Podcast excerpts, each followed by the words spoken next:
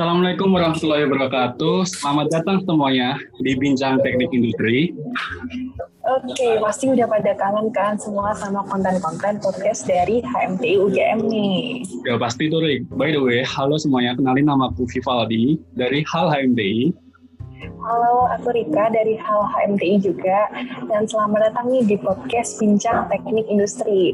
Bersama aku, host podcast Bincang Teknik Industri ditemani Valdi, bakalan bahas sesuatu nih yang tentunya bakalan berguna banget nih ke depannya buat HMTI UGM. Nah, langsung aja yuk kita mau ngobrolin apa aja nih. Nah, jadi gini Rick. Di Bincang Teknik Industri kali ini, kita bakal ngebahas tentang evaluasi akhir tahun yang ditujukan kepada seluruh anggota HMTI terhadap program kerja Departemen di HMTI. Wah, menarik banget tuh, Val. Pastinya hasil evaluasi akhir tahun ini bakalan membantu banget nih dalam mengembangkan departemen-departemen di HMTI nantinya. Bener banget, Rick. Jadi, saran sama yang masuk terkait program ter kerja pada periode ini yang udah dikumpulin lewat Google Form bakal kita bahas di podcast kali ini. Oke, kayaknya bakalan seru banget sih ini. Dan by the way nih, kita cuma berdua aja nih, Om. Dua dong, Rick. Jadi, di podcast BTI kali ini, kita udah mengundang perwakilan BPH sama kepala departemen dari semua departemen di HMDI. Ah, serius? Wah, mantep banget nih. Ya, Rick. Langsung aja yuk, daripada lama-lama, kita sapa perwakilan BPH dan kepala departemennya. Oke, okay, halo Mas Mbak semua. Oke, okay, mungkin sekarang bisa saya hai nih buat teman-teman HMPI yang sekarang lagi dengerin podcast Bincang Teknik Industri ini. Halo Mas Mbak. Halo. Halo. Halo. Halo. Apa kabarnya nih Mas Mbak semua? Baik-baik kan? Baik. Alhamdulillah. Luar biasa. Alamin.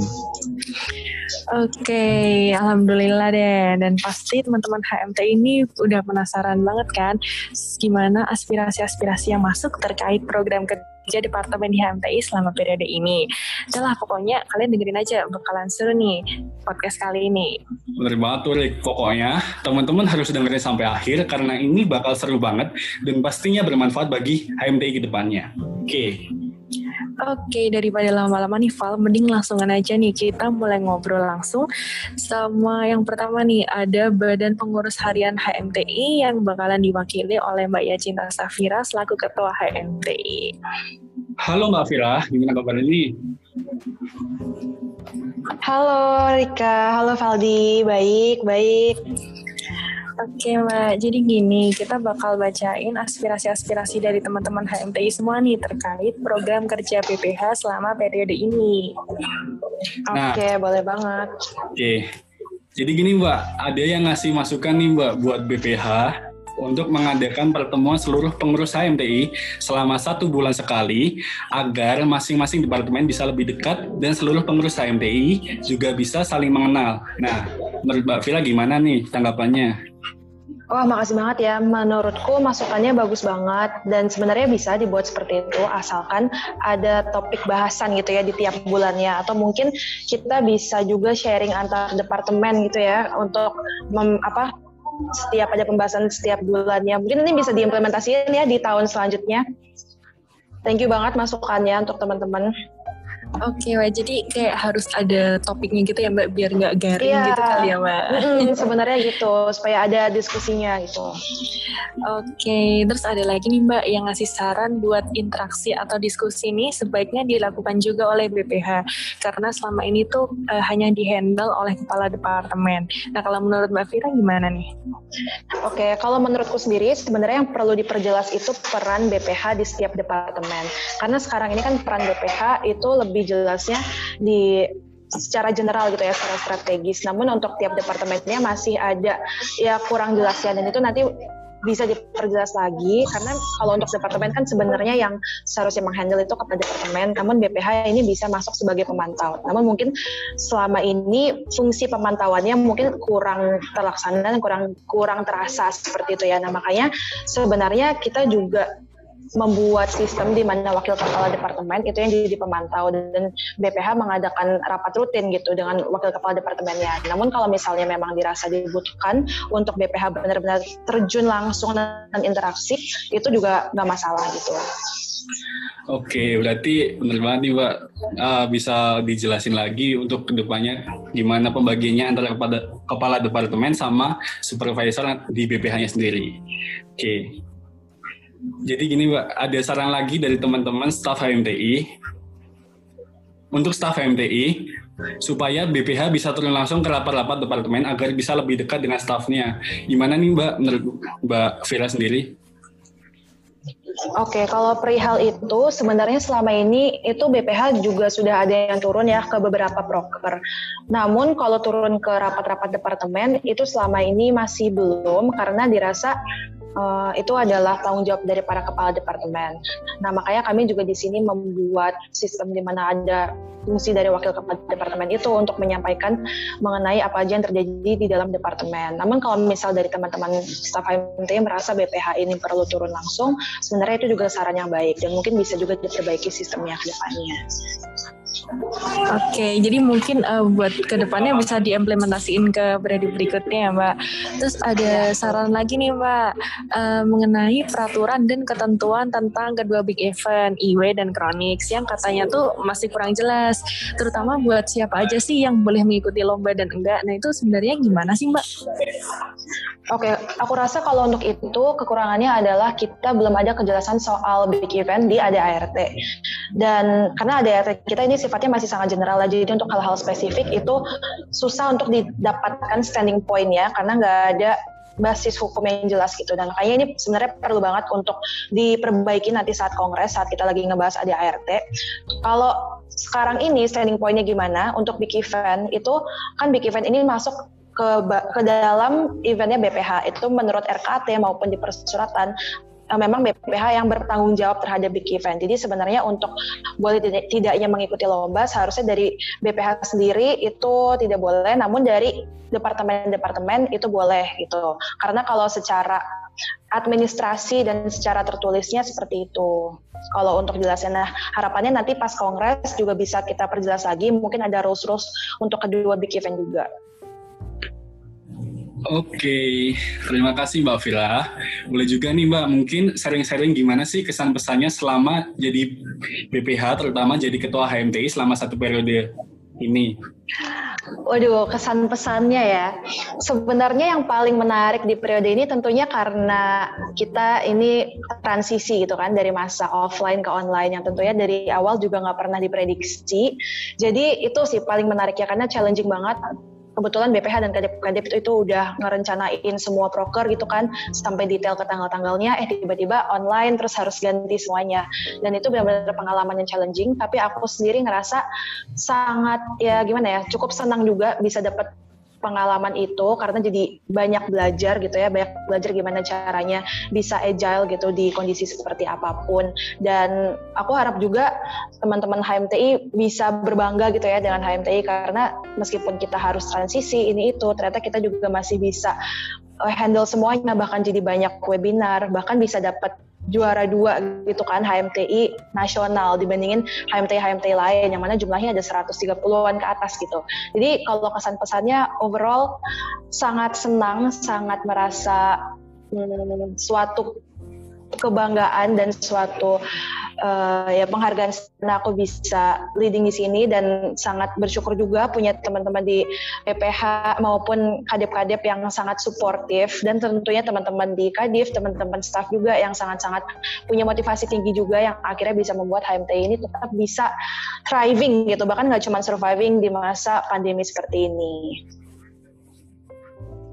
Wah, emang keren banget sih Mbak Firani. Oke, okay, uh, eh, mudah-mudahan uh, semua staf HMTI ke depannya bisa uh, melanjutkan ya apa yang udah selama satu periode ini Mbak Fira dan teman-teman staf lainnya bangun. Dan juga uh, makasih banyak ya Mbak Fira atas uh, apa kesempatannya buat uh, join di bincang teknik industri ini yang sangat inspiring banget nih dari Mbak Fira. Oke, okay. makasih banyak ya Mbak. Thank you juga Rika dan Valdi. Sukses selalu Afira. Ya. Oke, daripada lama-lama nih ya Mbak, eh, mending langsung aja kita mulai ngobrol bareng sama kepala departemen kita yang pertama. Ada Mas Rehan nih dari uh, Departemen WO atau Wigra Organisasi. Halo Mas Rey. Halo Rika. Halo Valdi juga. Halo Mas Rey, gimana kabarnya nih Pak? Baik, alhamdulillah. Kan juga baik ya? Alhamdulillah Al- baik. Iya, alhamdulillah baik nih. Oke, eh, Mas. Jadi dari WO nih eh, bakalan ada aspirasi-aspirasi yang didapat dari staff-staff HMTI semua nih terkait program kerja WO selama periode ini. Oke, oke. Oke, mungkin aku bisa bacain ya Rik dari masukan yang pertama. Oke, boleh banget. Oke, jadi gini Mas Ri, dari staff HMTI ada yang saran nih untuk WO. Kalau bisa, diperbanyak acara-acara tentang pengembangan usaha. Gimana tuh Mas tanggapannya? Oke, jadi mungkin kalau yang tentang proker pengembangan usaha kayaknya mungkin lebih cocok kalau untuk di KWU ya. Soalnya kalau di WO kan memang lebih concernnya itu buat engage internal internal HMTI sebenarnya buat have fun. Tujuannya tujuan utamanya WO tuh kayak gitu sebenarnya. Mungkin nanti kalau sebenarnya itu menarik, mungkin bisa kayak kolaborasi gitu ya antara WO sama KWU. Mungkin kalau besok dapat proyek eksternal dari eh, dari pengusaha gitu mungkin kita bisa misalnya collab bareng jadinya mungkin kita yang handle seminarnya terus nanti untuk pengembangan usahanya workshopnya mungkin eh, bisa di handle KW mungkin bisa tahun depan kalau ada kesempatan bisa banget diterapin Oke, mungkin berarti butuh evaluasi lebih lanjut ya Mas buat eh, saran ini. betul Oke, terus ada lagi nih Mas yang bilang kalau buat proker dari WO nih mungkin bisa lebih diberitahukan nih ke anggota departemen lain biar dapat saling membantu proker antar departemen. ini ini evaluasi yang menarik juga sih sebenarnya. Jadi tuh emang eh, ini tuh lebih ke chain information sih kalau menurut aku. Jadi emang eh, dasarnya kan kita setiap kali ada proker, ini semua departemen ya kita kan selalu nge-share ke grup besar yang sama semua pengurus RTI ya. Nah cuman mungkin eh, banyak yang nggak baca atau banyak yang nge-skip jadinya infonya itu tuh kurang teralir lah. Tapi selain itu juga sebenarnya tuh kita dari eh, BPH terutama yang kadep-kadep itu juga selalu nge-share acara kita ke grup kadep sih. Di mana kita kayak biasanya itu minta tolong buat nge-share eh, tentang proker kita ke anggotanya biar bisa saling ngeramein. Tapi mungkin eh, mungkin karena chain informationnya di situnya kali yang nggak lancar, mungkin eh, aslinya kayak pesannya tidak sampai ke anggota departemen jadinya eh, mungkin yang perlu diperbaiki itu chain informationnya sih mungkin di, perlu diperjelas lagi. Mungkin biar apa ya saya kayak birokrasinya itu tuh bisa ngalir lancar. Jadinya biar semua anggota departemen lain tuh bisa saling tahu sama saling bantu untuk proper-proper departemen lainnya. Oke, berarti intinya chain informasinya perlu diperjelas lagi ya Mas? iya betul. Biar dilancarin lagi lah istilahnya gitu. Oke. Terus ada lagi nih Mas, dari staff HMT juga, pada kesempatan berikutnya, dari WO dapat menyertakan mahasiswa teknik industri untuk ikut serta memeriahkan acara wisuda. Gimana tuh Mas tanggapannya? ini menarik juga. Ini aku eh, kurang paham sih sebenarnya eh, istilah apa ya? Memeriahkannya dalam maksud apa gitu. Mungkin dalam maksud ini kali ya biar dalam performance gitu mungkin ya maksudnya ya. Kayaknya senang aku gitu deh. Sebenarnya itu emang dari tahun ke tahun kita tuh selalu propose ide gimana tuh di acaranya wisuda itu tuh ada istilahnya persembahan dari mahasiswanya atau mungkin bahkan dari dosen-dosennya buat wisudawan dan eh, istilahnya wali wali wisudawannya. Cuman dari dulu itu tuh selalu dari pihak departemen masih dari pihak dosennya juga itu tuh nggak menganjurkan sebenarnya ada acara kayak gitu karena itu nanti malah membuat acara itu makin lama dan istilahnya harus persiapan lebih dan nanti malah takutnya itu jadi acara itu malah molor. Sedangkan kan nih kalau misalnya kegiatannya itu offline ya kalau kegiatannya offline kan istilahnya eh, para wisudawan itu tuh baru baru baru ke departemen baru ikut wisuda, wisudawan departemen setelah wisudawan yang di GSP yang which is yang take time banget. Jadi biar istilahnya nggak lama-lama nggak lama-lama di acara wisuda makanya biar makanya jarang apa ya kita nggak nggak ngadain performance dari mahasiswa cuman mungkin itu kalau besok-besok ada mungkin diusulin atau mungkin dipaksa atau dinego lah istilahnya mungkin bisa sih ada perwakilan dari mahasiswa. Kalau misalnya ini uh, bentuk involvementnya itu ke kepanitiaannya kayaknya sih belum perlu ya karena uh, istilahnya dari WO itu udah bisa mungkin istilahnya kalau meriahkan kayak yang penting datang aja ikut wisudawannya ikut uh, nyelamatin kakak-kakak wisudawannya kayak itu udah udah cukup memeriahkan acara wisuda juga deh mungkin gitu. Oke, berarti kayak butuh evaluasi lagi gitu ya Mas, gimana biar efektif gitu waktunya meskipun banyak uh, partisipannya hmm, gitu ya Mas. Betul betul. Oke, terus ada lagi nih Mas, katanya uh, WO bisa lebih menaati aturan yang ada saja dalam suatu kegiatan. Selain itu, emang program WO selalu well prepared dan inovatif. Nah, ini ada yang apresiasi juga nih mas.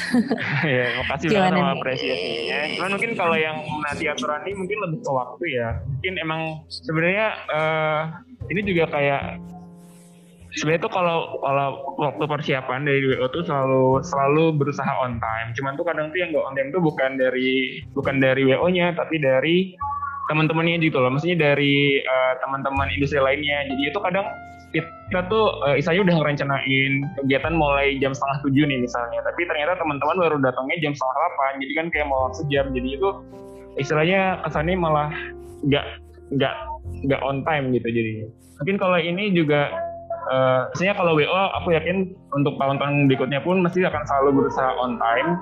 Cuman ya kita juga tetap butuh kerjasama dan dari teman-teman juga yang lain untuk kalau datangnya juga jangan molor-molor gitu biar istilahnya acaranya bisa jalan sesuai dengan rencana lancar dan nggak buru-buru lah istilahnya. Oke, berarti mungkin ke depannya bisa dikomunikasikan lagi ya mas terkait hmm, pelaksanaan waktunya. Oke, okay. terus ada lagi dari staff MT juga diharapkan WO bisa lebih melengkapi data wisudawan. Gimana tuh mas okay.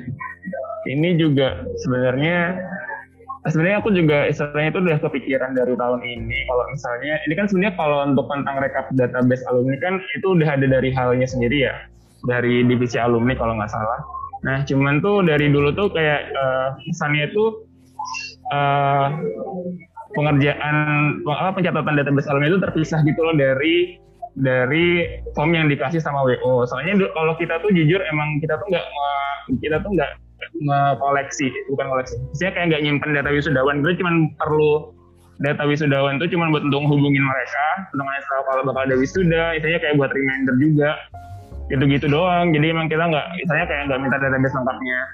Nah mungkin besok bisa saya mungkin dikolaborasiin aja gitu loh. Jadi antara WO sama HAL, misalnya uh, HAL udah ada form yang khusus buat uh, ngecatat alumni itu dikasih dikasih tahu jauh-jauh hari ke WO. Jadi besok pas WO buat misalnya kayak form RSCP gitu bisa langsung dikombin gitu loh. Jadi kesannya emang cuma satu form doang, nggak uh, nggak banyak form. Mungkin kemarin-kemarin tuh karena istilahnya jadi jatuhnya kayak beda form itu kan ada form RCT sama ada form database. Jadinya tuh uh, wisudawannya malah lebih ngisi resipinya aja gitu. Tapi kalau database-nya malah malah istilahnya kayak mungkin malas karena karena kan banyak juga ya kayaknya data yang harus di di input. Ini mungkin besok uh, bisa langsung di combine aja gitu. Jadinya mereka mau nggak mau harus wisudawannya harus ngisi form semuanya gitu kita okay. kolaborasi. Berarti uh, bisa buat evaluasi ya mas buat Betul. di ke depannya. Buat tahun depan bisa banget itu diterapkan. Oke. Okay. okay. Nah itu tadi tuh mas uh, aspirasi-aspirasi yang udah disampaikan sama teman-teman HMTI. Nah menurut mas Rey sendiri gimana nih uh, terkait uh, aspirasi-aspirasi tadi? Boleh disampaikan mas?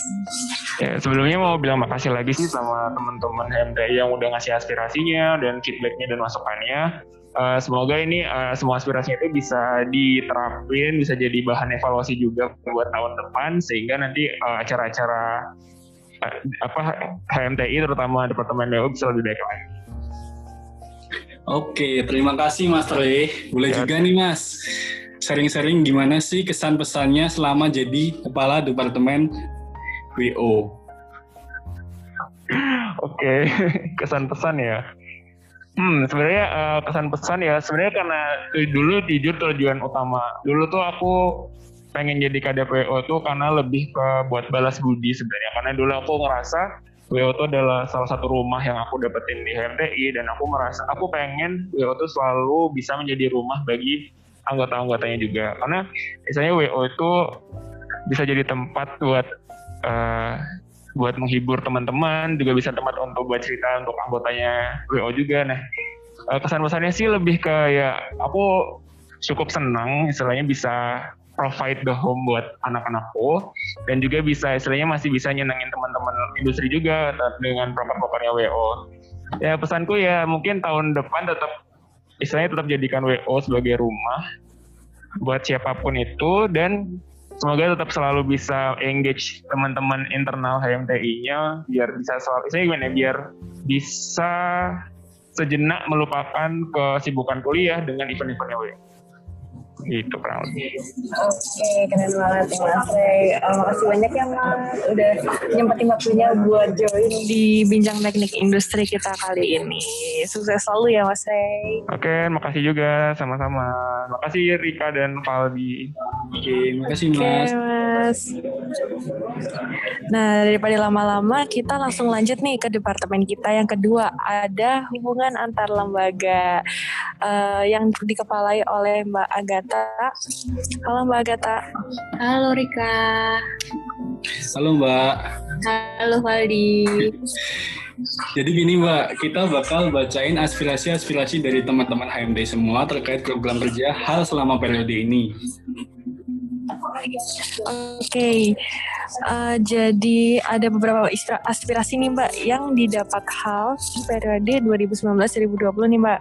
Yang pertama uh, program kerja kayak tadi sih kayak di WO tadi kayak prokernya tuh diberitahuin ke anggota departemen lain biar bisa saling membantu proker antar departemen. Kalau menurut Mbak gimana nih? Kalau dari aku sih, uh, aku merasa udah saling sharing sih. Uh, apa namanya broker yang dari departemen satu ke departemen lainnya.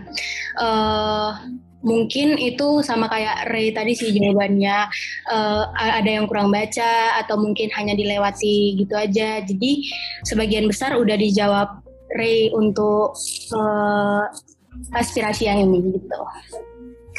Oke. Oke lanjut ya. Jadi ada saran lagi, lain lagi nih Mbak untuk mengadakan kunjungan ke salah satu universitas ternama dan mengajak non-staff untuk lebih berpartisipasi ke depannya guna mengembangkan HMDI lewat advokasi. Gimana nih Mbak menurut Mbak Agatha? Oke, jadi biasanya HMTI itu ngadain kunjungan itu sesuai dengan urgensi yang ada, yang dibutuhkan oleh HMTI dan setiap departemennya. Contohnya misalnya dua tahun yang lalu kita itu ngadai kunjungan ke Fakultas Hukum UGM. Di situ kita mempelajari ADART. Nah, jadi kita belajar tentang ARD lebih lanjut, e, bertukar pikiran dengan anak hukum di UGM. Tapi untuk tahun ini sama tahun sebelumnya itu memang nggak diadakan. Tapi untuk tahun ini memang kita udah nanya ke PH apa urgensinya. Terus dari PH sendiri tidak ada urgensinya. Makanya untuk tahun ini kita memang tidak me, tidak mengadakan kunjungan keluar seperti itu. Mungkin untuk tahun ke depannya bisa diadain untuk kunjungan keluar bisa ke ITB atau ke UGM mungkin ataupun misalnya kunjungan ke ke universitas di luar negeri. Karena sekarang kan udah dapat diakses online jadi itu apa-apa bisa online. Jadi itu bisa uh, visible-nya itu lebih sangat memungkinkan gitu untuk orang-orang yang ingin ingin melakukan kunjungan keluar. Seperti itu sih. Oke, kayaknya menarik banget nih Mbak kalau diadain lagi kunjungan keluar HMT ini. Terus ada saran lagi nih Mbak buat bikin program kerja yang menjadi sarana alumni nih untuk berbagi mengenai dunia kerja kepada mahasiswa, khususnya mahasiswa tingkat akhir kayak KP, loker, dan lain-lain. Gimana nih Mbak Gata? Untuk periode ini sudah dimulai dengan kita sudah menggunakan Google Form mengenai lowongan KP di mana itu sudah ada beberapa pertanyaan.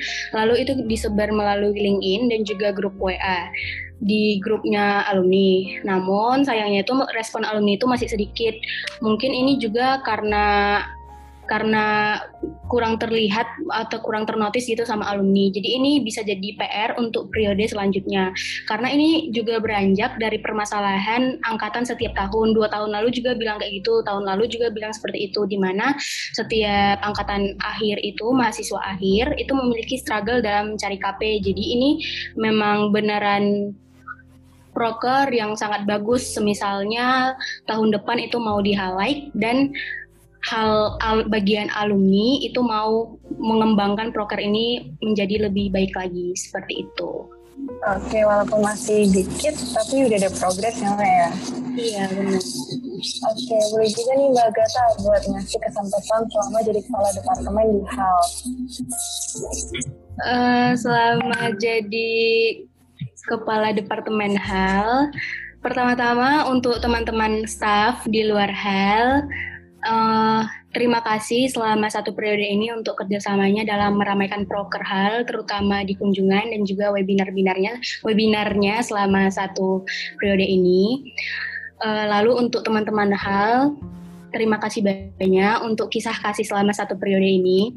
Walaupun kita terkonstrain dengan rapat online dan nggak bisa ketemu langsung, tapi aku berharap selama satu periode ini udah bisa membangun chemistry kita semua. Dan dari situ uh, bisa membangun hal yang lebih baik. Harapannya aku semoga proker yang sudah baik, apa yang sudah baik yang sudah baik di hal itu dipertahanin, yang masih kurang itu bisa ditambahin dan yang buruk itu diperbaikin. Terus tetap selalu menjaga hubungan yang baik dengan sesama anggota hal dan juga departemen lain karena memang seperti yang kita ketahui suatu organisasi itu akan tetap jalan kalau tanggung jawabnya dijalanin tapi nggak akan bisa bertahan lama kalau nggak ada yang nggak ada keharmonisan di dalamnya seperti itu good luck periode 2021 Aduh, keren banget nih, terharu banget nih. Oke, makasih ya Mbak Gata atas waktunya. Yeah. Semoga Mbak Gata sukses selalu nih dan semangat kuliahnya ya Mbak. Terima kasih. Oke, langsung aja nih sekarang kita menuju ke departemen selanjutnya yaitu kewirausahaan. Nah, kita bakalan ngobrol-ngobrol nih bareng Mas Gejo selaku kepala departemen dari KWU. Halo Gejo, gimana kabarnya nih Mas? Halo, baik-baik. Oke, jadi gini Mas, kita bakal bacain aspirasi-aspirasi dari teman-teman HMTI semua terkait program kerja KWU selama periode ini. Oke, aku bacain jadi. Nah, Mas dari staff HMTI ada yang ngasih masukan nih Mas, buat nambahin merchandise lebih banyak lagi dan dijual secara online seperti t-shirt, stiker, jaket bomber, serta masker. Gimana nih Mas menurut Mas Gejo? Oh iya, terima kasih untuk uh, masukan dan idenya. Nah, kalau dari KWU sendiri, tahun ini tuh bakal ada merch yang akan di launching akhir tahun ini. Jadi jangan lupa teman-teman yang dengar podcast uh, ikut pesan ya kalau tertarik dengan uh, produknya dari Kuning. Nah, untuk produk-produk lain itu seperti t-shirt uh, dan stiker dan jaket sebenarnya udah kita jual um, kalau tahun-tahun sebelumnya itu ada juga kayak gantungan kunci, um, tote bag itu juga ada. Um, untuk produk-produk baru itu belum kami launching, misalkan kayak masker karena constraint kan um, produknya ini masih kejualnya untuk kalangan sendiri, untuk industri sendiri. Nah untuk tahun ini sih um, mulai mencoba pasar baru yaitu um, pangsa pasar UGM. Jadi mengincarnya nggak cuma industri tapi ya satu UGM gitu. Wah keren banget nih, nggak sabar nih mas buat nunggu produknya launching. Oke okay, mas, uh, ada usul juga nih buat diadain lagi nih event sprint, terus memperbaiki event entrepreneur. Terus bisa dijelasin nggak mas tuh gimana? Ya kalau event sprint itu um, sudah dua tahun ya tidak diadakan itu karena pertama um, timelinenya agak mepet karena kita juga sudah punya event baru namanya Entrepreneur. Nah kalau sprint itu sendiri um, tidak dilanjutkan karena um, esensi terhadap kewirausahaannya kurang terasa. Makanya kita ganti dengan eventnya Entrepreneur. Nah untuk Netropreneur sendiri um, karena eventnya juga masih baru jadi masih banyak yang harus dilakukan um, perubahan dan juga masih banyak trial and error. Nah untungnya untuk tahun ini sih um, dari aku dan juga teman-teman KWU dan juga dari pesertanya melihat uh, sudah banyak perubahan dan sudah uh, cukup menjawab dari um, keinginan dari teman-teman peserta yang join Netropreneur seperti itu. Oke, menarik banget tuh Mas uh, Oh iya nih Mas, ada saran lagi buat ngebuka kembali toko kuning. Nah, menurut Mas sendiri gimana nih? Ya, kalau toko kuning ini kan uh, identik dengan jualan langsung ya. Jadi um, harus kondisi di mana kita bisa berinteraksi langsung atau istilahnya kalau kita bisa belajar secara offline. Nah, karena sejak Maret kemarin itu kita belajarnya offline, maka toko kuning itu ditutup untuk sementara waktu hingga waktu yang tidak bisa ditentukan. Nah, kalau misalkan nanti awal tahun depan itu kita sudah bisa kuliah offline atau mungkin mix ya, offline dan online, ya toko kuning akan dibuka kembali seperti itu. Oke, jadi sabar ya teman-teman yang apa udah kangen sama toko kuning nih. Terus nih Mas, ada yang ngasih saran nih buat catatan KWU kan ini lagi mau uas kan nih Mas. Lebih dilengkapi lebih dilengkapi lagi nih catatan KWU-nya. Kalau bisa gratis tuh, gimana nih Mas? Ada yang minta gratis? Um, ya, kalau catatan KWU kenapa banyak kan catatannya itu kurang satu minggu karena kan um, dari pihak KWU kan sebisa mungkin bisa ngedeliver catatannya tepat waktu dan sebelum ujian lah atau enggak jauh-jauh hari sebelum waktu ujian ke teman-teman industri. Nah kenapa nggak mepet-mepet karena ya dari KWU-nya kan harus rapin dulu catatannya atau enggak kadang rekapin dulu. Kalau misalkan bentuknya offline kita masih harus ngeprint juga dan bahkan harus ada spare waktu untuk bisa nge-share dokumennya atau uh, supaya teman-teman bisa ngambil dokumennya. Makanya biasanya kurang dari satu minggu filenya.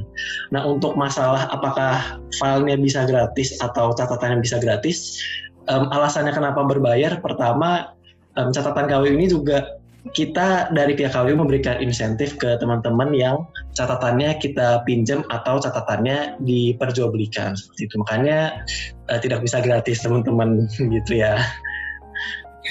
Oke, yang yang gratis nyatat sendiri ya teman-teman. Terima kasih Mas Gejo. Oh, oh iya, boleh juga nih Mas sharing-sharing gimana sih kesan pesannya selama jadi kepala departemen KWU. Um, kalau kesan pesan, kalau kesan ya, kalau kesan itu um, aku melihat memang anak-anak KWU ini oportunis sekali kalau um, tentang kewirausahaan. Uh, dan juga ya memang anak-anaknya unik-unik sih. Mulai dari pertama kali masuk sampai sekarang aku bisa melihat perkembangannya mereka dan itu memang sebuah pengalaman yang unik apalagi karena corona ini ya. Jadi program kita yang awalnya dirancang offline uh, kita harus bertransisi ke online. Uh, untuk pesannya untuk teman-teman yang um, melanjutkan di KWU ya harapannya semoga proker-proker KWU ke depannya semakin baik dan uh, muncul ide-ide baru uh, dan kreatif yang bisa semakin meningkatkan jiwa kewirausahaan teman-teman di industri. Oke, okay, keren banget tuh Mas Gejo. Nah, uh, kayaknya udah kelar nih Mas aspirasi-aspirasi buat KWO. Nah, sebelumnya kami mau mengucapkan terima kasih nih buat Mas Gejo udah mau join bincang teknik industri kita kali ini. Semoga sukses selalu ya Mas Gejo. Oke, okay, terima kasih. Andri Malinka dan juga Valdi.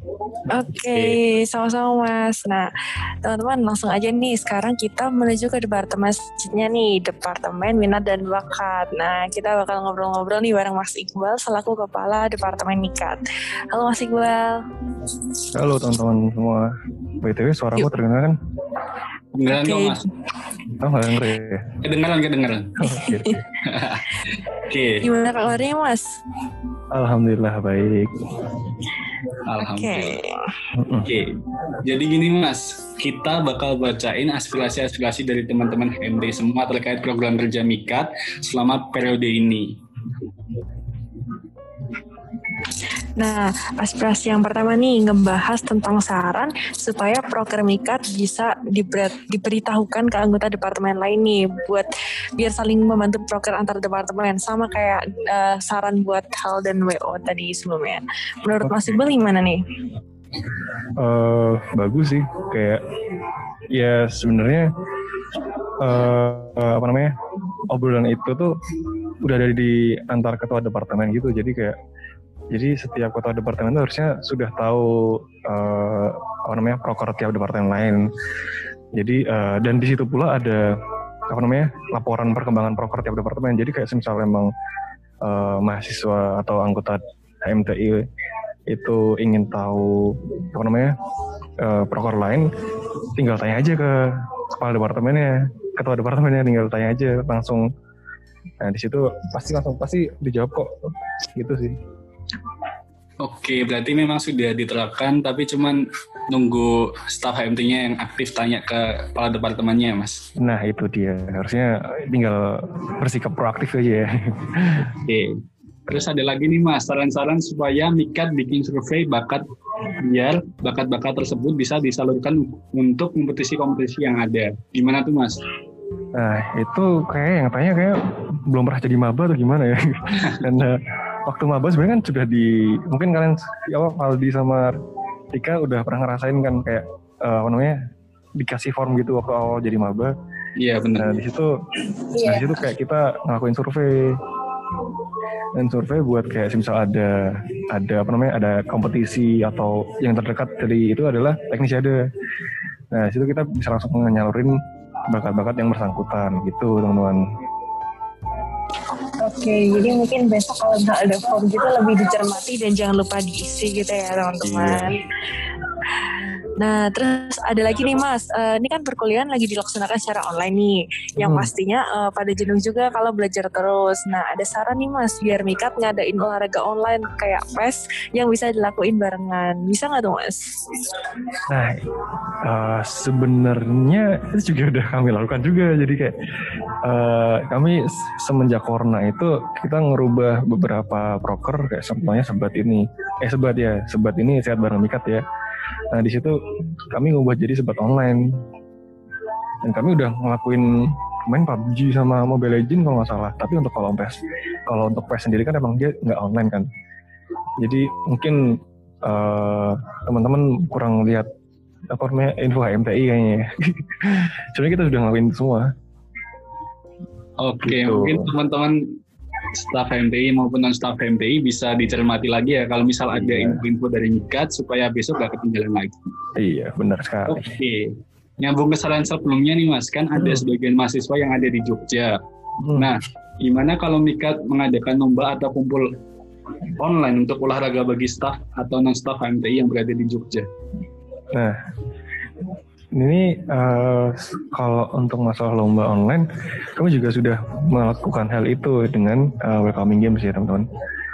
Welcoming games itu pada awal semester uh, penyambutan maba, jadi kayak uh, di awal itu kita ngadain tar apa nih kemarin tuh PUBG, Mobile Legends sama ada tebak gambar. Nah di situ sebenarnya nggak hanya di Jogja juga kan, itu karena karena online itu kan kita jadi nggak ada batasan tempat kan. Jadi sebenarnya sudah kami lakukan juga. Nah, tapi kalau untuk mungkin di sini uh, dia mikirnya kayak on, offline gitu ya. Nah, kalau offline ini kita nggak bisa lakuin dengan alasan apa pun karena ya itu kami mempertimbangkan pandemi yang belum selesai ini jadi kayak kita nggak berani ngambil risiko misalnya ada kayak penyebaran di acara kami kan kami juga nggak mau ambil tanggung jawab itu teman-teman gitu Oke, jadi uh, emang Mikat nih berarti uh, mengedepankan prokes banget ya nih Mas ya? Iya pasti, karena ya sebenarnya poker kita kan harusnya offline semua kan, jadi kayak dibikin online ya harus mempertimbangkan itu sekali, gitu.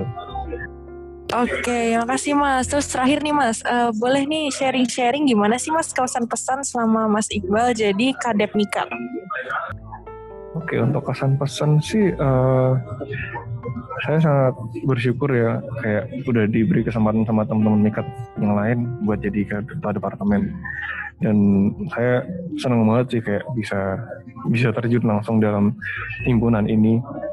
Dan uh, aku bersyukur juga ya dapat teman-teman mikat yang ya tahu sendiri lah orang paling nyeleneh dan paling aneh paling semuanya paling paling tuh ada di mikat nah itu sih kalau dari aku Oke, keren banget tuh Mas. Uh, sukses selalu ya Mas dan semangat kuliahnya. Iya, terima kasih semangat juga Valdi sama Rika. Terima kasih Mas. Oke. Oke, makasih Mas Iqbal. Dan sekarang uh, teman-teman kita lanjut aja nih ke departemen selanjutnya, yaitu Departemen Pengembangan Wawasan dan Keilmuan. Nah, kita bakal ngobrol-ngobrol nih bareng Mas Dida selaku Kadep PWK. Halo Mas Dida, gimana kabarnya nih Mas? Halo Rika, halo Valdi. Alhamdulillah sehat.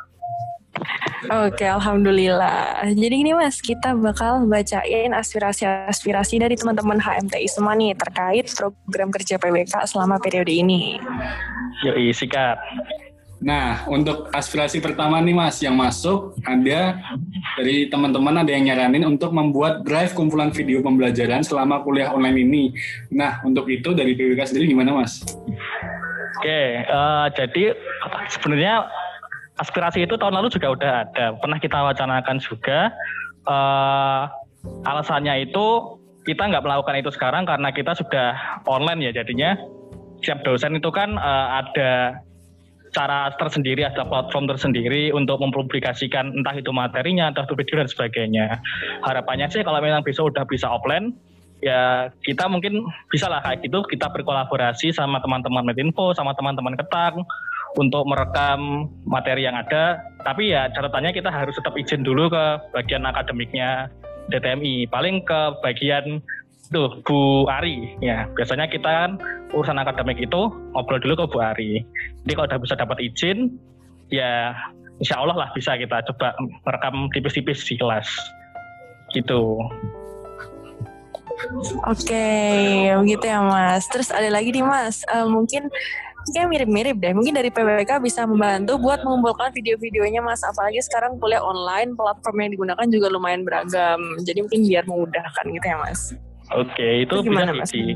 Bisa sih kalau mau dilakukan. Terima kasih atas sarannya. Mungkin besok akan di kepengurusan baru bisa dilakukan itu sih. Oke, mulai banget tuh sarannya.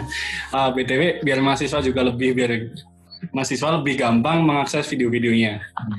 Benar sekali. Nah, untuk aspirasi selanjutnya, Mas, dari teman-teman ada yang memberikan saran untuk dapat merapikan dan memperbarui materi kuliah yang ada.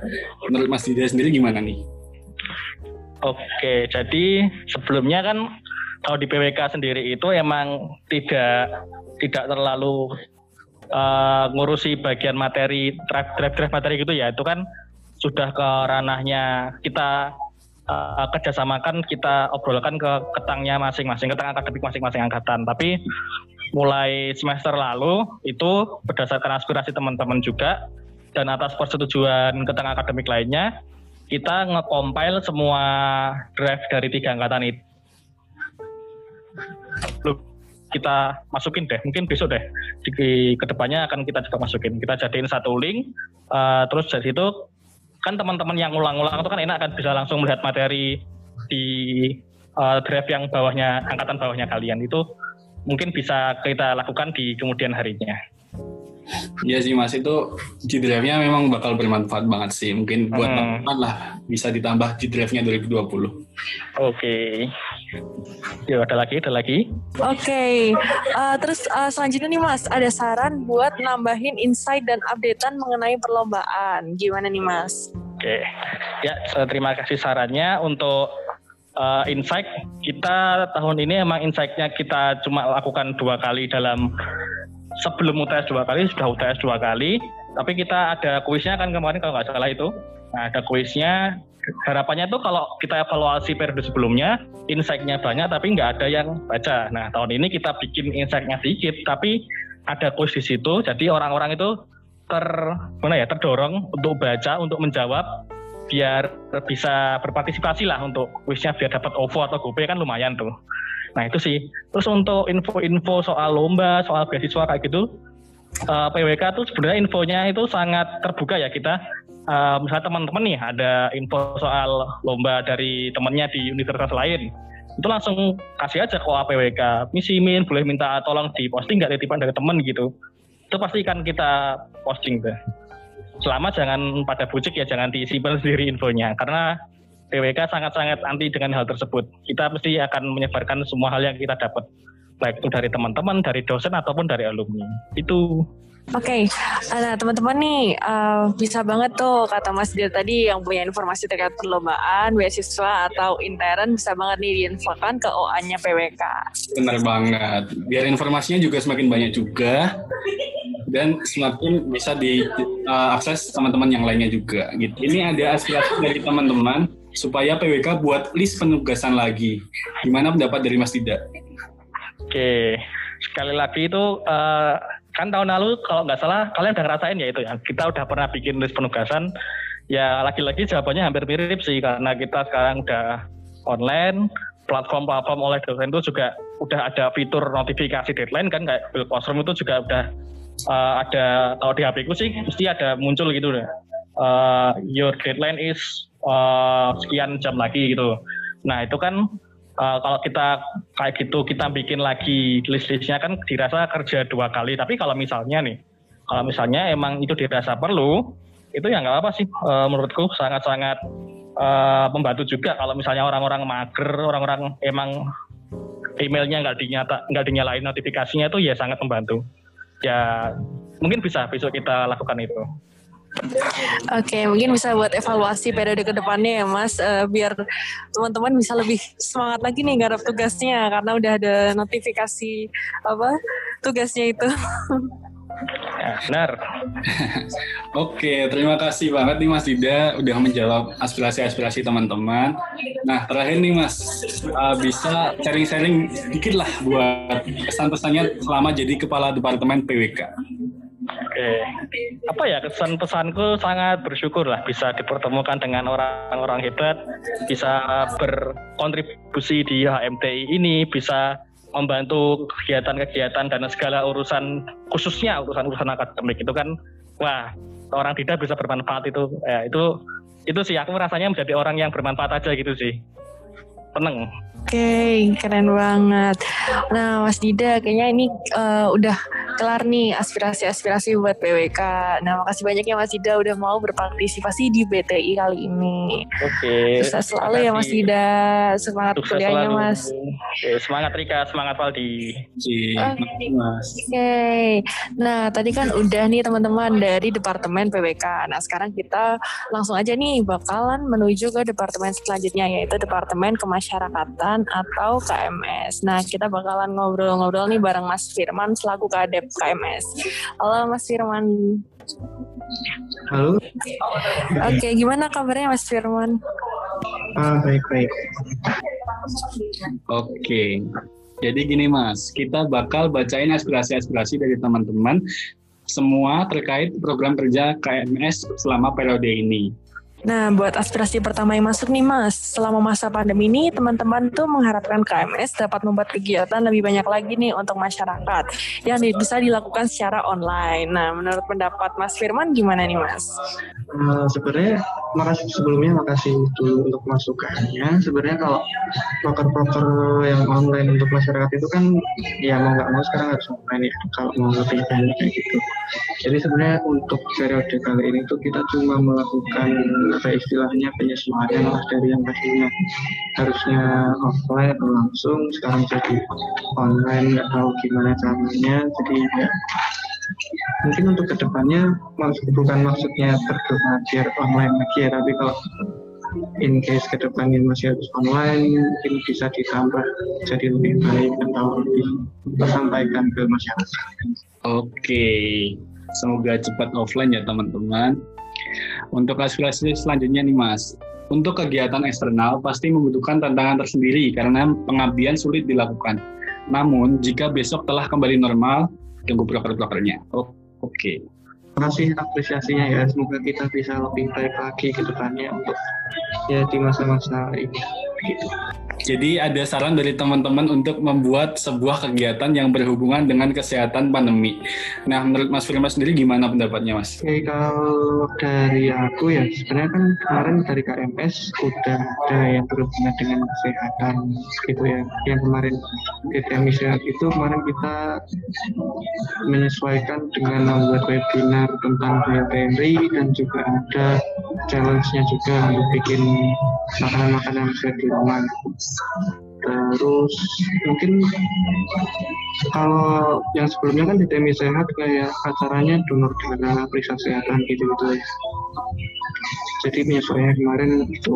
Terus karena mungkin kalau berhubungan dengan kesehatan bisa kolaps juga ya sama Mikat karena memang dulu sebenarnya ada rencana untuk kolab sama Mikat di kayak olahraga bareng masyarakat masyarakat di Despin gitu. Oke. Uh, untuk aspirasi selanjutnya nih Mas, katanya ada masih banyak broker yang belum terlaksana, apalagi di divisi desa binaan. Gimana tuh Mas tanggapannya? Nah itu juga sebenarnya sebuah PR dan kesulitan juga sih buat kita di KMS ini. Karena di satu sisi kita pengen bisa jalan dokter di Despin biar terus mendongkrak ekonomi di sana di apalagi di masa-masa sulit kayak gini. Tapi juga kita sangat terbatas terus kayak daripada ada hal-hal yang tidak diinginkan terus ya mungkin selama ini kontaknya masih lewat WhatsApp aja sih. Kita tetap berusaha kontak sama mereka dengan keterbatasan kayak gitu terus kegiatan kegiatan-kegiatan seperti yang udah ada di timeline itu sebenarnya masih susah banget buat dilakuin tapi ya semoga ke depannya kalau udah bisa ke sana lagi atau udah bisa ngurus-ngurus yang administrasi gitu-gitu lagi bisa segera dikerja gitu. Oke, okay. mungkin uh, buat ke depannya bisa buat evaluasi ya Mas, uh, buat apa periode ke depannya. Nah terakhir nih Mas, uh, buat Mas Firman sendiri bisa nih buat sharing-sharing kesan pesan selama jadi kadep KMS. Iya, uh, sebelumnya aku mau ucapin terima kasih buat semua teman-teman, terutama di KMS, terus teman-teman PPH, dan semua teman-teman di HMPI buat kerja sama selama satu tahun pengurusan ini. Kesannya ya selama tahun ini keren banget sih karena bisa melakukan penyesuaian dengan keadaan yang seperti ini dengan cepat dan menurutku bagus banget. Terus kesannya ya semoga ke depannya semakin baik semakin bisa merangkul teman-teman di industri lebih baik lagi. Smart HMTI 2021 dan seterusnya. Wah keren banget nih mas. Sukses selalu sukses selalu ya mas dan semangat kuliahnya juga. Oke makasih ya oke makasih mas Oke, makasih Mas. Nah, mungkin sekarang kita langsung lanjut aja nih ke departemen selanjutnya. Ada departemen PSDM yang um, diketuai oleh Mas Cahaya atau bisa dipanggil Mas Orbit. Halo Mas Orbit. Halo, halo. Halo Mas Orbit, gimana kabarnya nih Mas? Halo, Alhamdulillah baik nih. Oke, Alhamdulillah. Nah, Mas, uh, buat ini nih, buat PSDM sendiri, kita bakal bacain aspirasi aspirasi aspirasi yang masuk dari teman-teman HMTI. Aspirasi pertama nih Mas, ada dari staf HMTI yang bilang untuk PSDM membuat suatu acara besar yang bersifat eksternal seperti ICT pada departemen Oke, kalau acara buat eksternal tuh aslinya udah ada sih namanya situsi College to Karir. Tahun ini tuh dilaksanakan pada bulan September kemarin. Temanya tentang Ikigai. Dan alhamdulillah tuh udah ter yang daftar dan ikut dalam acaranya tuh udah 100 orang. Tapi memang sih dalam evaluasi dalam kenyataannya secara target itu masih di bawah target, masih di bawah 150 orang. Uh, itu kalau udah dievaluasi dan penyebabnya itu emang bener sih, uh, kita masih kurang uh, branding, jadi masih dirasa belum terkenal seperti ICT. Jadi aku harap ke depannya teman-teman PSDM bisa membranding situasi lebih baik lagi. Itu. Wah bakal keren banget sih kalau misal diadain acara kayak gitu. Nah, selanjutnya nih Mas, uh, ada saran lagi untuk PSDM memperbaiki sistem pada optimasi. Gimana okay. nih Mas tanggapannya? Oke, okay, terima kasih atas sarannya. Uh, kalau dari PSDM tuh optimasi tahun ini sudah terbilang cukup baik sih. Kenapa? Soalnya udah ada tujuan, udah ada nilai, bahkan udah ada tema. Tahun-tahun sebelumnya tuh udah nggak ada tuh namanya nilai, tujuan dan tema yang tertulis yang bisa dilihat sama adik-adiknya, sama seluruh apa anggota HMTI. Dan juga tahun ini udah ada kuantifikasi yang jelas. Pakainya namanya CB Tracker. Jadi adik-adiknya beneran dinilai dan itu nilainya bakalan dibuat untuk pendaftaran HMTI selanjutnya. Tapi emang sih kekurangannya tuh masih di dalam hal planning sama manajemennya dari pihak BSDM sendiri masih kurang sih itunya. Jadi terima kasih atas sarannya. Oke, uh, terus selanjutnya nih Mas, ada saran untuk monitoring tetap harus berjalan bagaimanapun yang sedang terjadi di HMTI, meskipun dalam masa suksesi, setelah suksesi, bahkan sebelum kahim dan wakilnya terpilih. Tim monitoring tadi harusnya udah berjalan, karena sejatinya monitoring itu a lifetime proker, jadi lebih baik kayak di planning monitoring gitu sudah dibuat dari awal. Oh, Oke, itu bagus sih sarannya. Terima kasih ya sarannya untuk siapa pun yang memberikan saran. Semoga PSDM ke depannya bisa melakukan monitoring tersebut. Oke. Nah, lanjut nih Mas. Aspirasi yang masuk ada dari uh, staf MT juga untuk PSDM lebih mempercepat bonding internal dan bonding dengan seluruh anggota HMTI. Itu gimana gimana Mas tanggapannya? Oke, okay. uh, eh, PSDM itu aslinya udah ngasih proker, udah ada proker namanya family outing. Family outing itu apa? Family outing itu nanti uh, seluruh staff MTI itu main bareng. Kalau tahun lalu kita nah, kita outbound di Turi, nah tahun ini aslinya family outing diadakan makrab. Nanti kita kerjasama sama WO, tapi sayangnya kita kedatangan suatu pandemi COVID jadi nggak bisa deh. Jadi konsep konsep family outing tahun ini terpaksa diganti bergabung dengan upgrading gitu. Aku harap family outing tahun depan makrab yang kita rencanakan bareng WO dapat terrealisasikan. Ya sedih banget ya mas gara-gara pandemi jadi apa family outingnya nggak bisa terlaksana nih. Sabar teman-teman, yeah. mungkin tahun depan bisa dilaksanakan kalau pandeminya udah kelar nih. Amin. okay. amin amin. Nah terakhir mas, uh, boleh nih mas um, Orbit sharing-sharing mengenai kesan pesan selama jadi kadep PSDM bisa disampaikan mas Uya.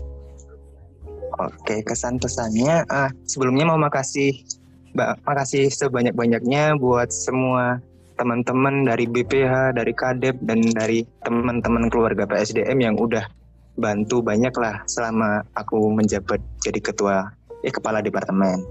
Kepala departemen itu aslinya cukup menantang dan cukup merepotkan sih. Tapi kalau punya temen buat sharing kayak kadep-kadep kayak BPH yang saling support dan saling bantu beri-beri insight tuh sangat enak. Lalu alhamdulillah keluarga di PSDM, teman-teman PSDM tuh uh, selalu semangat lah, selalu semangat memberi apresiasi dan selalu terbuka atas saran. Jadinya kalau kerja sama mereka, kerja sama anak-anak PSDM jadi seru dan jadi menyenangkan. Lalu pesannya buat PSDM tahun depan, semoga PSDM tetap jadi rumah, tetap jadi keluarga PSDM nggak usah takut buat tanya-tanya ke kakak-kakak yang udah nggak jadi PSDM lagi. Dan tetap semangat selalu kerjakan semuanya step by step nggak ada yang instan. Itu aja. Makasih Oke, terima kasih banget nih Mas Orbit udah nanggupin aspirasi-aspirasi yang udah masuk. Selalu sukses dan semoga dilancarkan kuliahnya. Oke, terima kasih. Sukses juga buat Rika dan Valdi. Oke, terima kasih Mas Orbit. Nah, teman-teman, kita udah men, uh, udah menuju ke departemen yang terakhir nih. Ada Departemen Media dan Informasi atau disingkat Medinfo. Yang sekarang kita bakal ngobrol-ngobrol bareng Mas Arfa selaku kadepnya Medinfo. Halo Mas Arfa. Halo Rika, Valdi. Gimana kabarnya nih Mas? Baik, baik banget. Oke. Uh, langsung aja nih Mas. Kita bakal bacain aspirasi-aspirasi dari teman-teman yang udah masuk melalui GFOM terkait program kerja Medinfo selama periode ini. Oke, boleh banget tuh. Nah, yang pertama nih Mas, Medinfo tuh uh, di ke depannya diharapkan bisa membuat proker pelatihan desain untuk HMTI. Gimana tuh Mas? Uh, Sebenarnya untuk training itu kita ngadain juga ngadain desain, tapi tahun ini karena kita mau mencoba inovasi baru, jadi kita ngadain pelatihan selain desain. Tapi mungkinnya ke depannya kita bisa uh, melihat dulu sih demandnya dari teman-teman HMTI apa biar bisa sesuai dengan demandnya gitu mungkin bisa buat polling atau isi G-form gitu Oke, semoga terjawab ya teman-teman yang menuliskan aspirasi tersebut. Uh, kemudian ada saran lagi nih Mas, untuk proker mungkin dapat lebih diberitahukan ke anggota departemen lain agar dapat saling membantu proker antar departemen. Gimana tuh Mas tanggapannya? Uh, itu sama kayak Agatha sama Ray tadi sih itu sebenarnya antar kadep juga udah ada kesepakatan gitu. Oke, okay. terus uh, ada lagi nih Mas yang bilang kalau uh, bikin konten yang bisa dipost di Instastory. Uh, untuk itu itu masukan yang bagus banget sih biar untuk reach-nya nambah ya. Uh, itu bakal jadi evaluasi buat kita juga buat biar kita jadi lebih baik lagi. Makasih. Oke, makasih teman-teman yang makasih teman-teman yang udah ngasih saran tersebut. Semoga besok bakal diterapin lagi, diterapin ke depannya. Uh, Oke, okay, selanjutnya ada saran lagi nih Mas. Update-nya kalau bisa up to date. Video peng perkenalan pengurus dan website HMTI tolong dibenahi dan diupdate. Gimana tuh Mas tanggapannya? Uh, ya, uh, makasih juga kritiknya. Jadi kita kita bisa jadi lebih baik lagi. Untuk itu, uh, sebenarnya kita juga dari Medinfo udah merancang sistem agar uh, update gitu bisa selalu up to date gitu ya. Tapi juga uh, teman-teman di sini kan juga masih belajar, jadi masih banyak yang perlu diperbaiki juga. Semoga ke depannya bisa terrealis terrealisasikan ya, yang seperti itu.